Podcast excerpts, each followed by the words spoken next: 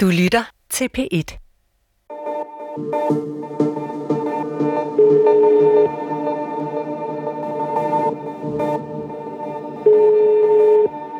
Ja, det er Ja, goddag. Det er Mette Frisk. Jeg ringer fra Danmarks Radio. Dag. Ja, goddag, goddag.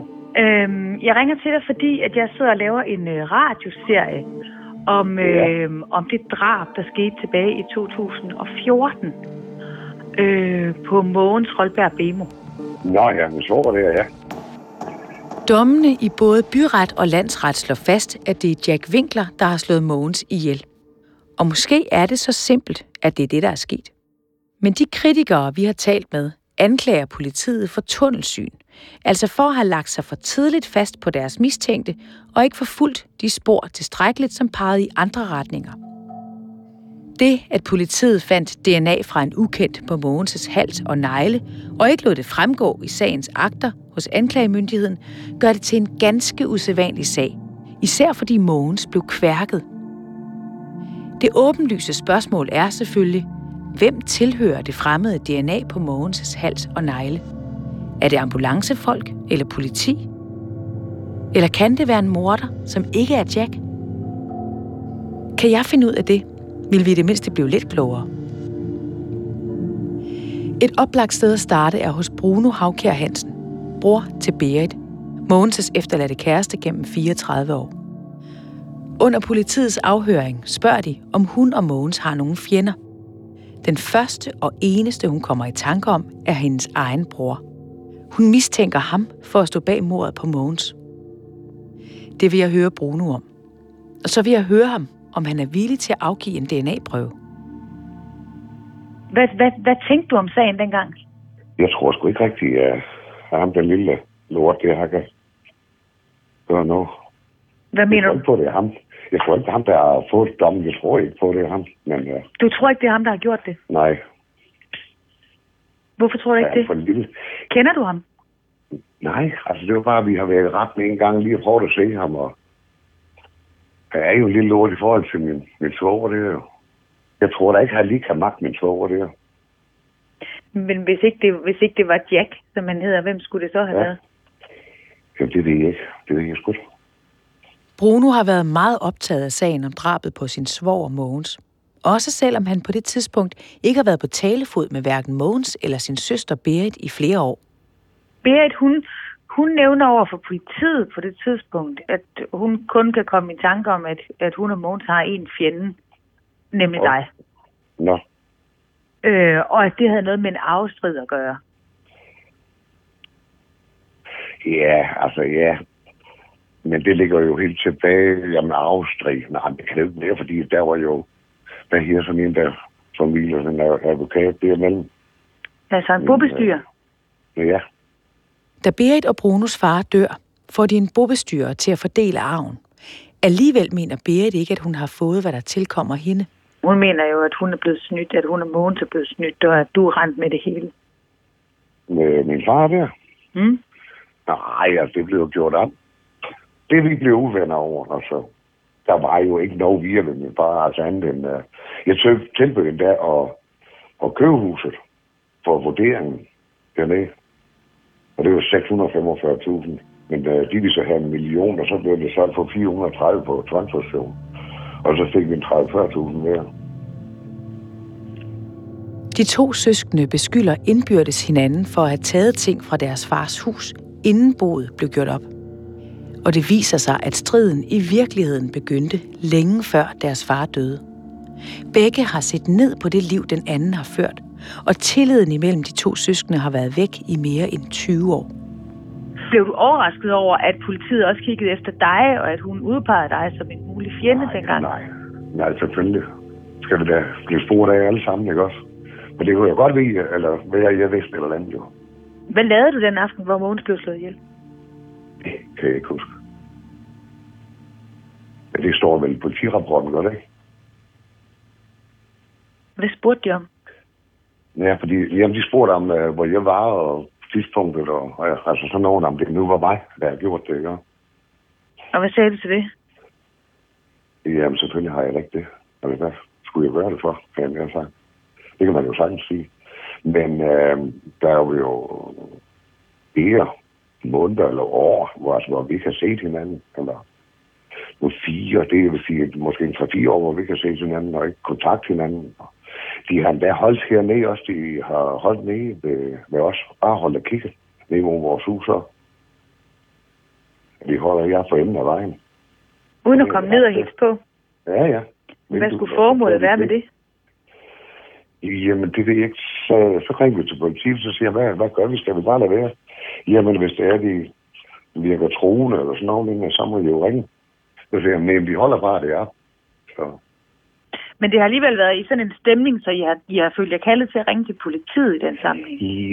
Ja, fordi altså, når han nu... Øh, ja, jeg ved ja. Altså, vi føler os troet her. Altså, min kone kommer hjem nu, så hvis du lige vil drøfte med hende, så kan du prøve, om hun har nogle andre ting, vi kunne sige. Ja. Så kan du prøve at samle det. Og så kan vi måske få det stykket rigtig sammen, når du... Er hun på trapperne nu, eller? Ja. Det er Annette. Ja, hej Annette. Det er Mette Frisk fra Danmarks Radio. Ja, hej. Hej. Jeg ringer til dig, fordi at jeg sidder og er i gang med at lave en uh, radioserie om uh, drabet på Mogens. Nå, for katten. Ja. det var noget ja. melding. Ja. Det er jo noget af en sag. Øhm. Ja, det er det. Striden imellem Berit og Bruno har været langt mere end bare en arvestrid. Han og hans kone Annette har åbenbart følt sig chikaneret af Berit og Mogens. Men har du indtryk af, at Berit kan have mistanke om, at vi skulle have haft en finger med i spillet øh, om det drab der? Det er mit indtryk. Ja, jeg tænkte det da nok. Mm. Ja, ja. ja, underligt, ikke? Ja. Ja. Jamen, det forbavser mig slet ikke. Jamen, altså, jeg gider næsten ikke sådan umiddelbart så sige heller en hel masse, vel? Men øh, øh, vi har jo overhovedet ikke øh, følt os mistænkt under den her sag fra politiets side. Men, øh, men det er sjovt, at hun vil gøre det, altså. Så tænker jeg jo så, at den der sag der med det hacking der, har Berit snakket noget om det, så er der var sådan en sag. Sagen om deres hackede computer er interessant, fordi den tidsmæssigt falder sammen med mordet på Mogens. Berit har allerede fortalt mig, at Mogens har hacket Brunos e-mailkonto. Han har siddet og gættet sig frem til Brunos kodeord, og har derefter haft adgang til al Brunos korrespondence. Derfor melder Bruno, Mogens og Berit til politiet. Deres computer har været øh, beslaglagt, og de har undersøgt det, og de har fundet Øh, bevismateriale af, at de har været inde og kopiere noget af vores, min forretning og sådan noget der. Så vi valgte det, fordi hvis de nu begynder at stjæle nogle penge fra os, eller et eller andet, vi har skudt til mig fortalt på det der, men vi har jo hørt noget. Men det viser sig, så har jeg inde taget kopier af fakturer og, og kreditnoter og sådan noget der.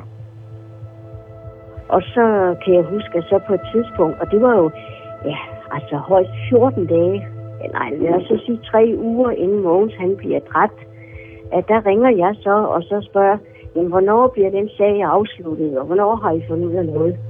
Og, og så øh, øh, siger de jo så, jamen, øh, de er parat til at, at have det afsluttende retsmøde, og politiet og anklager har lavet anklageskriftet, og der er både øh, Mogens og Berit øh, øh, tiltalt begge to for at have hacket os på computeren.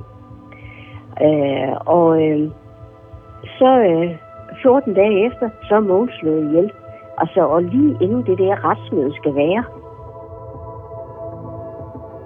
Mogens bliver altså dræbt kort før sagen skulle afgøres. Men forud er der gået en lang periode, hvor Mogens og Berit har været under efterforskning. Og det er i den situation, Bruno og hans kone Annette føler sig truet. Og så hvis der så er, at vi har anmeldt ham, og så han holder heroppe på vejen, ikke?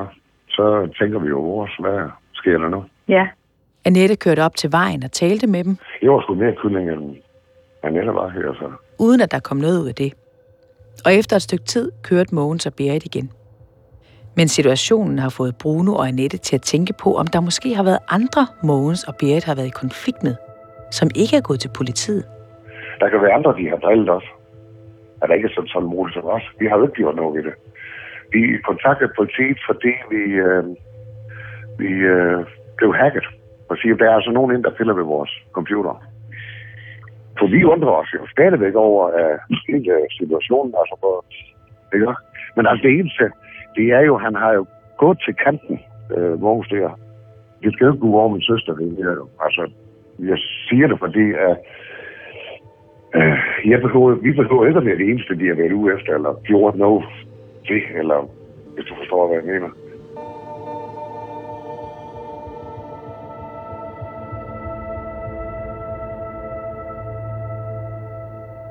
Bruno og hans kone Annette er altså ikke overrasket over, at Berit mistænker sin egen bror for at have haft noget med drabet på Mogens at gøre. De har hele vejen igennem følt sig pænt behandlet af politiet. Måske for pænt. Jeg kan kun sige, og det tror jeg Bruno også mener, at vi tror ikke særlig meget på, at det er ham Jack, der er drabsmanden. Uh, og jeg synes, politiet sådan er slukket nemt om ved det, ikke? Altså, både med hensyn til DNA og det ene og det andet, og fordi manden er 20 knæk, så behøver man ikke tro det værst. Annette og Bruno har selv undret sig over det fremmede DNA, som dukkede op sent i retssagen. En af de mange ting i den sag, som, øh, som gør, at det er svært at lægge den fra sig, det er, at, at politiet... Ja, DNA var ikke på, jo. Nej, det var nemlig ikke... De fandt ikke noget af Jacks DNA på Mogens. Og de fandt heller ikke noget af Mogens DNA på Jack. Men til gengæld, så fandt de DNA fra en fremmed person. Ja. Tog de en DNA-prøve for dig? Nej, det gjorde det ikke engang. Men de må gerne få den. Fordi, Jamen, det var faktisk det næste, jeg ville spørge om, fordi hvis ikke ja. de har taget den, fordi i det mindste, så kan man jo udelukke dig fra mistanke, hvis vi så får lov til at lave en DNA-analyse, ikke? Jamen, øh, ja, helt sikkert. Bruno er ivrig efter at komme til bunds i sagen, og vil altså gerne afgive en DNA-prøve. Han siger, at han ikke har været i nærheden af Mogens, siden han og konen kørte over for at aflevere de ting, som Berit skulle arve fra deres far. Da vi var inde med de ting, jeg gav ham ikke engang hånden, så det er så efter min far, eller min far døde der, der var vi nede med de ting, vi stillede bare det, hvor de var, har været ubehøvlet og alt muligt sådan. Ja. Så du har ikke været der siden? Nej, det har jeg ikke. Min mission er at blive klogere på det fremmede DNA, der blev fundet på Mogens' hals og negle ved at bruge udelukkelsesmetoden. Bruno er en af de oplagte at spørge om en DNA-prøve, og han er altså klar. De næste, jeg vil tage fat på, er ambulanceførerne og betjentene, der ankom som de første efter opkaldet til 112. Efter en del opklaringsarbejde lykkedes det mig at finde den ene af de to ambulanceførere fra dengang kan man udelukke, at det er jeres DNA, så ved man allerede mere, end man gør nu, hvis du forstår, hvad jeg mener. Ja, ja. Øhm, så det, jeg egentlig ville høre dig om, det er, om jeg må, om jeg må få en DNA-prøve fra dig. Ja, ja. Det kan sagtens. Fantastisk. Øh, han hjælper gerne både med en DNA-prøve og med at finde den anden ambulancefører fra dengang så ville jeg faktisk høre, om jeg kunne lokke dig til at gå op til din egen læge og få ham til at, du ved, tage en vatpind ind i kinden og forsejle ja. den. Øh, jeg om jeg kan gøre det på sygehuset en gang, når jeg er deroppe. Jo, det kan du sagtens. Ja. Ej, hvor er det fedt. Tusind tak, fordi du gider. Det var så lidt. Så langt, så godt. Men før jeg når videre, får jeg post fra Fyns politi. Blandt papirerne i de tre kasser med politiets efterforskning ligger en rapport på 27 sider, som indeholder resultaterne af deres DNA-analyser. Det er dem, jeg vil holde DNA-prøverne fra Bruno, politiet og ambulanceførende op imod, for at se, om der er et match med det fremmede DNA, der blev fundet på Mogens' hals og negle. Derfor har jeg bedt politiet om på Jacks vegne at få dem udleveret. Og det er det, jeg nu har fået svar på. Det er et afslag. Jeg ringer til dem for at spørge, hvorfor. De begrunder det i loven om personfølsomme oplysninger. De argumenterer med, at de ved at udlevere DNA-analyserne samtidig udleverer personfølsomme oplysninger i form af andre menneskers DNA. Jeg pointerer, at jeg ingen mulighed har for at vide, hvem DNA'et tilhører, medmindre jeg netop har en DNA-prøve at sammenligne med. En DNA-prøve, som jeg kun kan have fået med samtykke fra vedkommende. Det ændrer intet ved deres afgørelse. Dermed ryger mit sammenligningsgrundlag. Selv hvis jeg lykkes med at skaffe DNA-prøver fra de resterende, det vil sige betjentene og den sidste ambulancefører, så kan jeg ikke bruge nogen af prøverne til noget, for jeg kan ikke sammenligne dem med sporene fra Mogens, uden at få analyserne udleveret. Dermed har politiet altså sat en stopper for mit forsøg på at komme videre med, hvem det fremmede DNA tilhører. Ifølge forsvarsadvokat Peter Sækker er det ikke overraskende, at jeg ikke kan komme til bunds i sagen. For sådan er systemet indrettet, mener han. Systemet er jo indrettet sådan, at det er rigtig svært for andre at finde ud af, om en sag er vurderet og afgjort rigtigt, for du kan ikke få agtindsigt i dokumenter. Så en journalist, der for eksempel har på fornemmelsen, at enten at en person for eksempel kan være uskyldig, eller at han er skyldig, men der faktisk var andre med. Altså i begge scenarier er sagen jo ikke opklaret og set med den forurettedes øjne, er, er, er det jo et utilfredsstillende resultat, man er nået frem til. Men det, det er rigtig svært at, øh, at, at afdække, om der er problemer med, med, med vurderingerne af sagens beviser, for du kan ikke få adgang til sagens beviser. Jeg må indrømme, at jeg synes, det er frustrerende. Det arbejde, politiet undlod selv at gøre, stopper de nu også mig i. Jeg undrer mig over, at de ikke selv gør det færdigt, eller i det mindste tager fat i de mest oplagte at tjekke, det jeg var i gang med. Jeg er sikker på, at politiet er dybt dedikeret til deres arbejde, så det er jo givetvis ikke ond vilje. I princippet er det sådan, at lige netop i drabsager er der intet loft over ressourcerne, fortæller Peter Sikker. Morsager skal opklares, koste hvad det vil. Men han peger på, at der alligevel godt kan være et ressourcespørgsmål, der spiller ind. Altså, der er ingen tvivl om, at der er ressourcebegrænsninger, og der er heller ingen tvivl om, at man øh, lægger sig ret tidligt i forløbet fast på en teori, og det, det er, kan man sige, på det spor, man bruger sine ressourcer. Altså, politiets måltal har altid været indrettet sådan, at det, der, øh, det politiet bliver målt på, det er antallet af sigtelser. Så synspunktet, kan man sige, statistisk set er, at når først en person er sigtet, så er han også skyldig, og så er sagen opklaret. Og det er i hvert fald forkert. Der er ingen genvej til retfærdighed. Øh, så hvis man rent faktisk vil undersøge sagen til bunds og give offrene de svar, de har brug for, øh, og fortælle dem, hvem er gerningsmænd og hvem er ikke gerningsmænd, er der flere gerningsmænd, er der nuancer i, hvad der er foregået her, så er man også nødt til, øh, kan man sige, at, øh, at åbne tegnebogen og, øh, og sætte ressourcerne fri, og det gør man i hvert fald ikke. Jeg vil gerne høre politiet, om det er økonomien, der er afgørende for, hvor meget de går i dybden med en sag. Og i det hele taget, hvad de selv tænker om den her sag. Om hvilke overvejelser de har gjort sig undervejs. Men Fyns politi har ikke lyst til at svare på mine spørgsmål.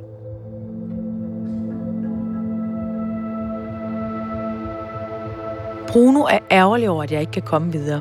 Han står stadig klar til at afgive en DNA-prøve, for han vil gerne renses for mistanke. Også fordi han et eller andet sted håber på, at han og søsteren en dag kan komme til at tale med hinanden igen. Man kan ikke blive så uvenner, altså uanset om det var arv eller hvad fanden det er. Altså det, der er jo ingen arv, før de dør, jo vel? Nej. Altså jeg synes, det er ærgerligt jo. Er de ikke i kontakt til hinanden? Ja. Ja. Det synes jeg helt sikkert. Fordi Berit, hun sagde... Jeg vil gerne hende, mig, hende mig tilbage i familien, jo. Vi har ingen børn eller noget, så... Du har heller ikke nogen børn? Nej. Så, ja, så er der kun jer to i familien. Ja. ja. Et eller andet sted vil jeg selvfølgelig gerne være sammen med hende og snakke med hende, og så høre, hvad fanden der er gået galt i alt det der. Det næste er jo, at der er gået så mange år, at der skal... Jeg tror næsten ikke sige, at jeg kan stole på hende. Det er der skulle komme på mange lange historier med. Men hun står jo også helt alene nu, ikke? Jo, jeg vil jo synes, at jamen, har hun ikke brug for at, at få snakket med nogen eller et eller andet. Jeg ringer til Berit for at høre, om der efter alt det, der er sket, kunne være en åbning mellem hende og Bruno. Nej, det er, jamen jeg vil overhovedet ikke bruge fem minutter på ham. Hvorfor ikke? Fordi han er... Nej, nej, nej, nej, nej, nej. Jeg vil hellere stå alene end stå sammen med ham. Jeg har ikke været, haft noget med ham i ja, 30 år. Så sådan er det. Det gør ikke noget indtryk, at Bruno er villig til at afgive en DNA-prøve. Til gengæld ærger det hende, at politiet ikke vil foretage de mest åbenlyse DNA-prøver. Det skulle da ikke være så vanskeligt at, finde ud af, men, men øh, så skulle de jo hen og tage hele sagen op, og sådan noget sagde patienten til mig jo, ikke? Og det, øh, det fatter jeg bare ikke, at de, at de skulle. Det er jo ikke helt sagen, det er bare for at finde ud af, jamen der er lavet en fejl, og, og, og vi skal bare finde ud af, hvem, hvem er det så? Altså, hvem ejer den DNA? Ikke? Ja. Så, øh, Og det, det skulle da ikke være så vanskeligt. Men hvilken forklaring fik du fra politiet på, hvorfor de ikke fik taget DNA-prøver fra ambulancefører, politi og så videre, så de fik det afklaret? Igen, jeg har ikke fået en forklaring anden, jeg har spurgt jo. Og så sige, hvordan kan det lade sig gøre? Jamen, sket er sket, og det skulle have været undersøgt dengang. Men øh, sket er sket. Der er ikke noget at gøre ved det, og, og sagen skulle være taget op igen. Men det gør man jo ikke, for sådan noget det er, fordi der... Nej. Det er jo bare en af dem, der har været derude. Og stået og hostet hen over Måns eller et eller andet. Og det må være en af dem. Det, det er hårdt nok at ribe op i det i forvejen. Og blive ved, og blive ved, og blive ved. Så det, altså, i, i, jeg har bare afklaret det med, at jamen, det er en af dem, og, og, og så er det sådan, det er. Det er, det er en af betjentene, eller er det en af faldfolkene. Det er sådan i min med, så stopper den der. Berit har altså afsluttet sagen på sin egen måde. Nu arbejder hun på at komme videre, uden Bruno og uden Mogens.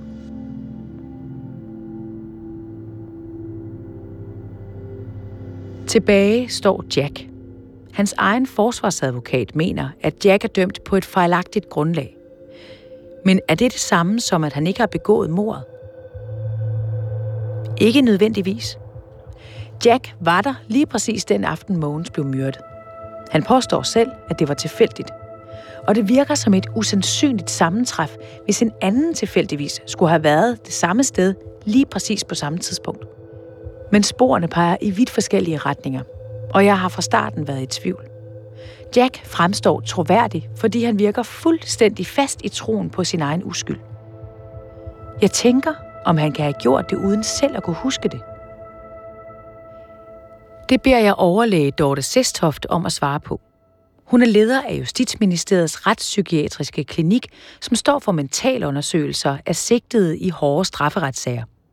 Hun kan ikke sige noget specifikt om Jack, men hun har massiv erfaring med folk i hans situation generelt.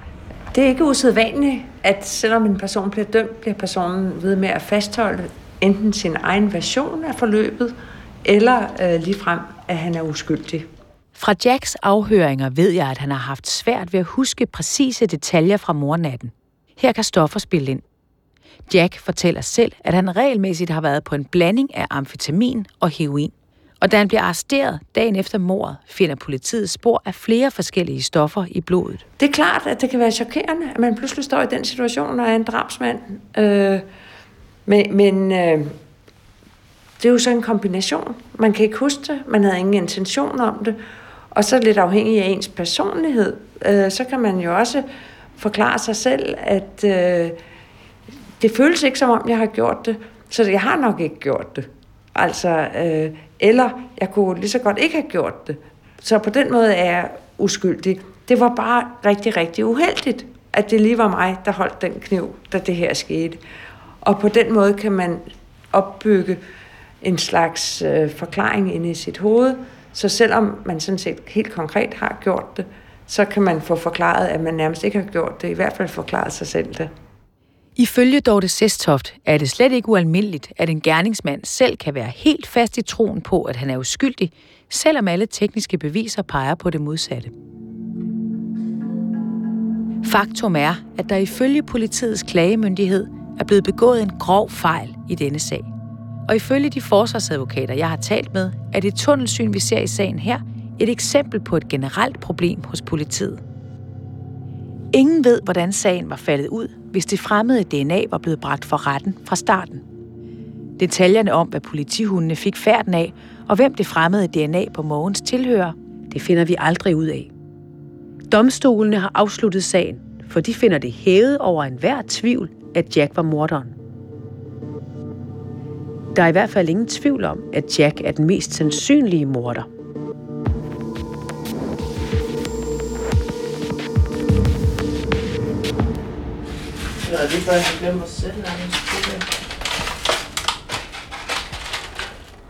Jacks datter, Markia, skal sammen med sin søster Sabina møde deres far ude i virkeligheden for første gang siden han blev fængslet. Nå, hvad laver hun? Markia har bagt en kage. Jeg måtte ikke sætte 50 lys i, det synes Sabina ikke var nogen til. Jeg god idé. Jeg tror bare, far han bliver sur på dig, hvis du siger, at han er gammel. Vi har planlagt at holde en øh, 50-års fødselsdag for vores far, uden at han ved det. Hvor lang tid har Jack udgang?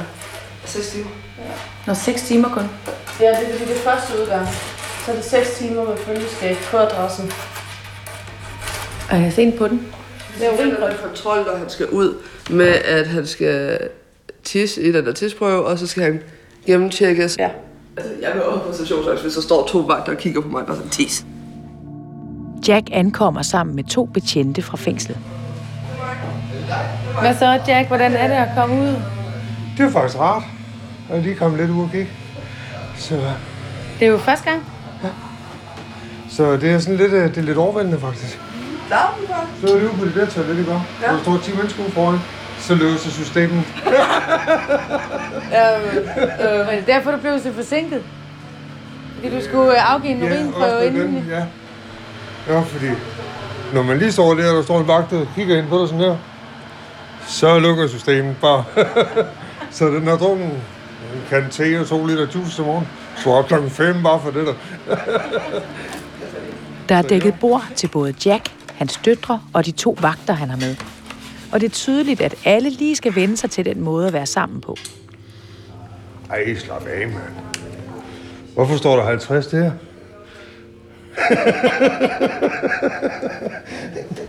det bryder jeg mig ikke om. Det er jo et rundt tal. Uh, Hvorfor er det så forfærdeligt? som er jo ikke ung længere, er man. Nu føler du 50. Det er jo et halvt hundrede. Det er jo tit sådan en anledning til at tage sit liv op til revision og tænke, hmm, hvordan synes jeg, det er gået indtil nu, og hvordan synes jeg, at det skal gå fremadrettet? Har jeg, har jeg gjort det, jeg ville? Har jeg, har jeg opnået det, jeg ville?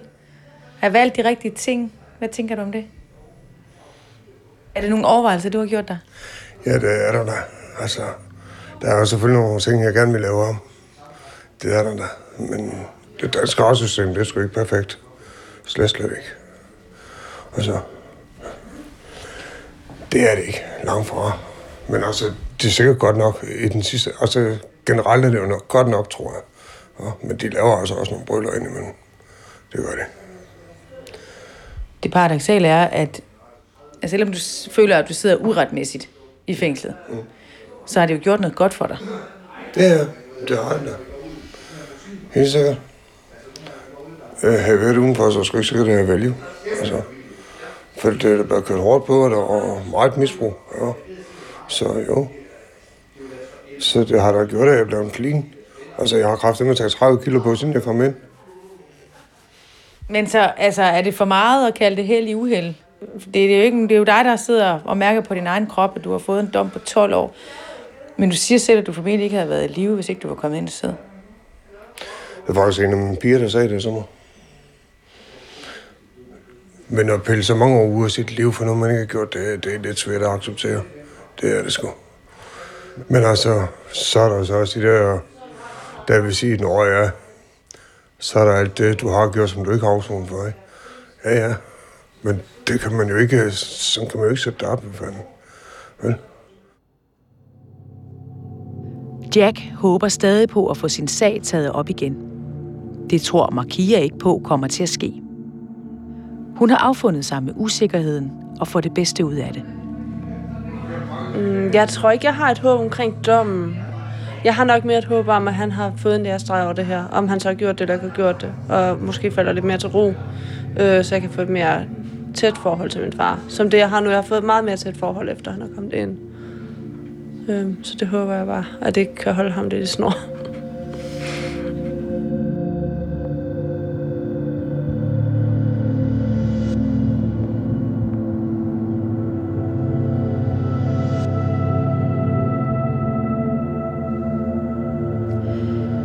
Vi har forelagt kritikken fra Fyns politi og bedt dem kommentere den. Det har de ikke ønsket. De skriver i en mail, at der er tale om en sag, hvor retten har truffet en afgørelse, og at Fyns politi derfor ikke har yderligere kommentarer hertil. Vi har også forelagt kritikken for både byretten og landsretten. Ingen af de to har ønsket at kommentere den kritik, der bliver rejst. Serien her er produceret af P1 Dokumentar. og er tilrettelagt af mig, jeg hedder Mette Frisk, med god hjælp fra Alberte Sacco og Frederik Hugo Ledegaard. Den er klippet af Solvej Bauer, og Jens Wittner Hansen er redaktør.